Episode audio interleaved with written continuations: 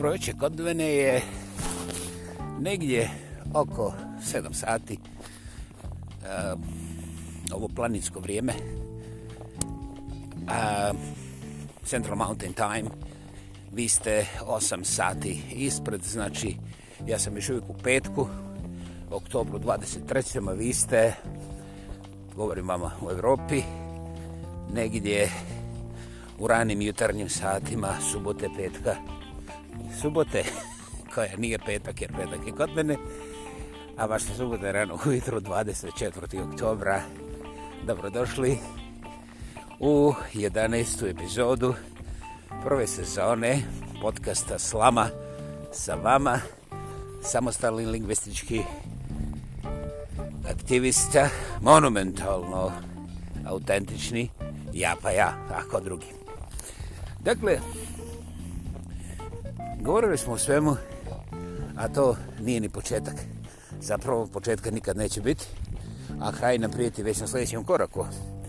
Vrlo zanimljiva stvar, o kojoj gotovo nikad nisam razmišljao, a ne želim Boga meni sada.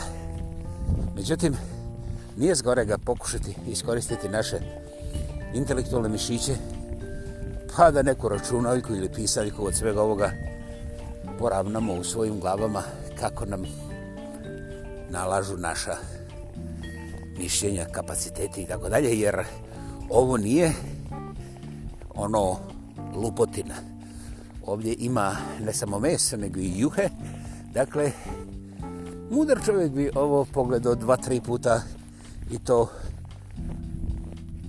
sa barem dva različita kuta. Eto, to je to. Ehm, danas sam imao predivan božićni snježni dan, temperatura je jedva minus 10, to nije nekakav problem, ali što je najljepše na ovoj nadmorskoj visini od preko kilometra, na ovoj temperaturi su pahulje upravo najbolje veličine, zato što kada je temperatura malo se posklizne niže i jedva malo vjetra doda, onda to sve postaje nekakvo oštro brašno, a ne snijeg i to je prilično eh, i bolno. Dakle, najkraća priča. Uživo sam u snijegu, uživo mi sad, evo, šetam se ispod mojih nogu. Snijeg pjeva, Bože moj, ja sam tvoj, ti si moj, mi smo naši, ništa me ne plaši i tako dalje. Dakle, e, ona moja najavljena večer poezije u mojoj dnevnoj sobi za jednu osobu i dvije kamere – E, nema veze sa ovim, ali granice nasred oranice svakako i ovdje imaju svoje. Šta nisam čuo posljednjih dana? Ha, možemo to proširiti na posljednje godine, čak i decenije. Nisam čuo čovjeka da mi ispriča nešto o svojoj baki. Naime, ispriča ja ne očekujem Tolstojevsku riječitost, ono 800 do 1800 stranica kako je baka koristila ponjeve da zatvori slupane prozore preko neke zime jadne tamo iza nekakvog rata ili prije ili poslije, nije bitno nego da mi čovjek kaže dvije pa možda čak tri povezane rečenice o svojoj vlastitoj baki što kažeš ti baci pa baci ti razumiješ jer ta tvoja blata medalit sintizacija palatalizacija, jel? Kako se kaže? Ne znam, nemam pojma, nije to za mene. Znači, nije baci, nego baki. Zato što ovdje ne govorimo o verbumu. Pardon. O glagolu. Tako da, nećemo raditi ove diskusije. Molit ću lijepo gospodu super inteligentne da to ostanu. Ali što dalje od mene? Hvala. Dakle, Ne mogu se sjetiti kad je neko o svojoj baki ispričao priču dužu od dvije rečenice. Ja tu spomenuo sam i tu nesretnu treću, a ne osuđujem se. Naglasite da ja znam i za četvrtu i petu. I onda otkud moje interesovanje za baku, da li ja možda nisam obrnut? Sigurno jesam jer sam išao kod psihijatra. I eto, tako smo eliminirali priču što je u stvari puno više, što je molitva za život. Jer ako mi ne možemo da nađemo lijep moment u svakodnevnom životu, ne svaki dan, ne za Boga miloga, ne svakog sad, ali tu i tamo, recimo dva put godišnje, za neku lijepu priču, sjećanje na svoju baku, jer ja mislim da bake nisu bile ovaj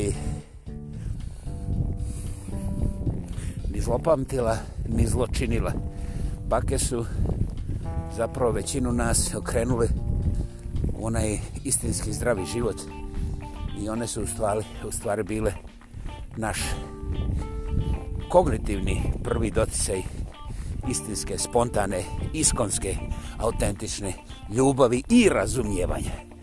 Bake su zapravo jače i važnije od nuklearne bombe.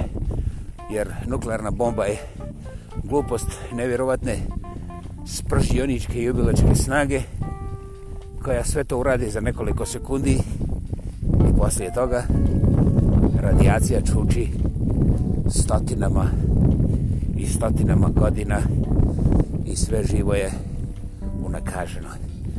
Bake su stvarale kompletne nacije, stvaraju i danas, ali ukinutim je glas, čisto demokratski jer bake su postale demode. Mi smo kaku stavili na baku. Ovaj, tako sam ja to vidio. Međutim, priča stoji da u vrlo siromašnim familijama koje nikad nisu priznale da su vrlo siromašne. To je vrlo interesantno.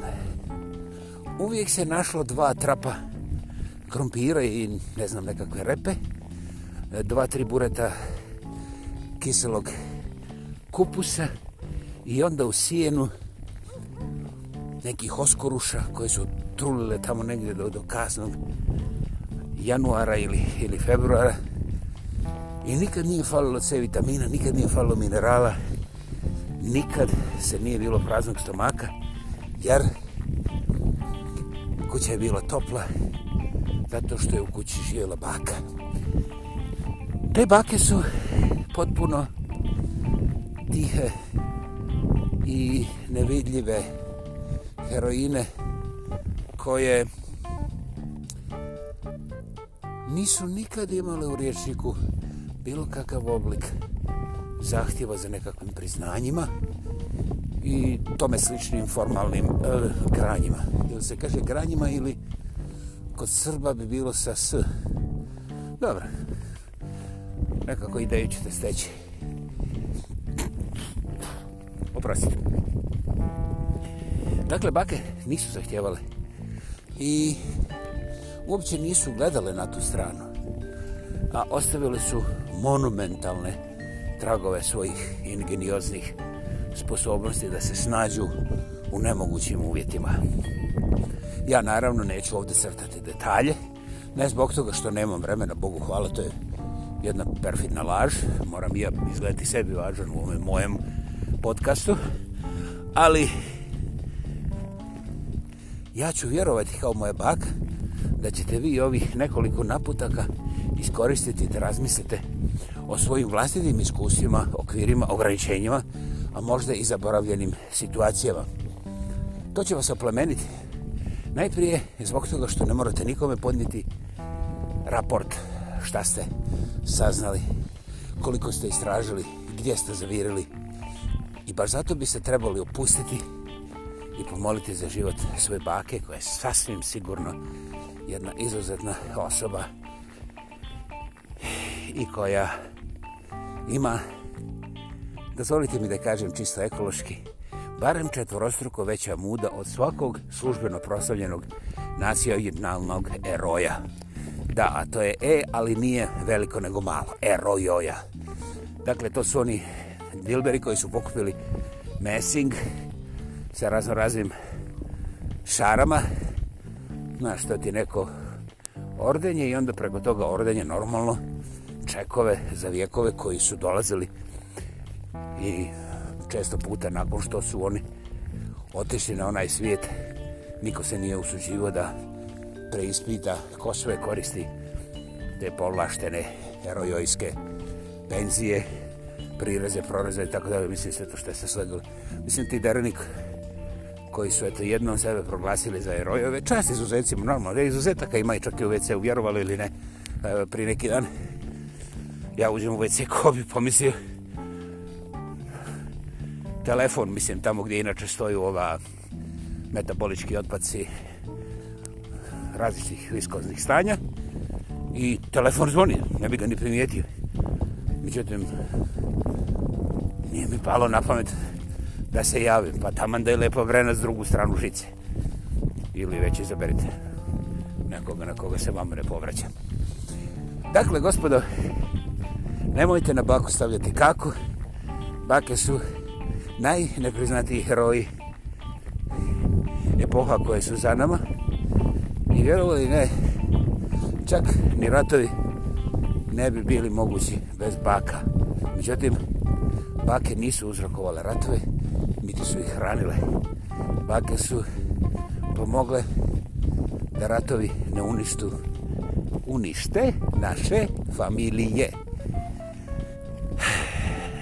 Mi smo uvijek znali da su bake staromodne i prereligiozne. religiozne E, sta sve nismo znali ovakvama vrijeme da im uzvratimo nešto ljubavi, jer većina naših baka ipak nije sa nama. Ja mislim na moju generaciju koja je ho, ho, ho prešla petu banku. Hvala vam na strpljenju. Hvala na slušanju. I hvala ako se odlučite ovih sljedećih sati i dana da zavirite u svoje sjećanje pomilujete svoju baku, nja ne treba više. I nećete morati da polažete ispit iz bakologije. Niko neće znati šta se desilo, a vi ćete biti jači, sretniji i nekako slađi sami sebi u svojim očima. Puni u vlastitoj koši, zdraviji, blagoslovljeniji. Hvala i čujemo se za koji dan.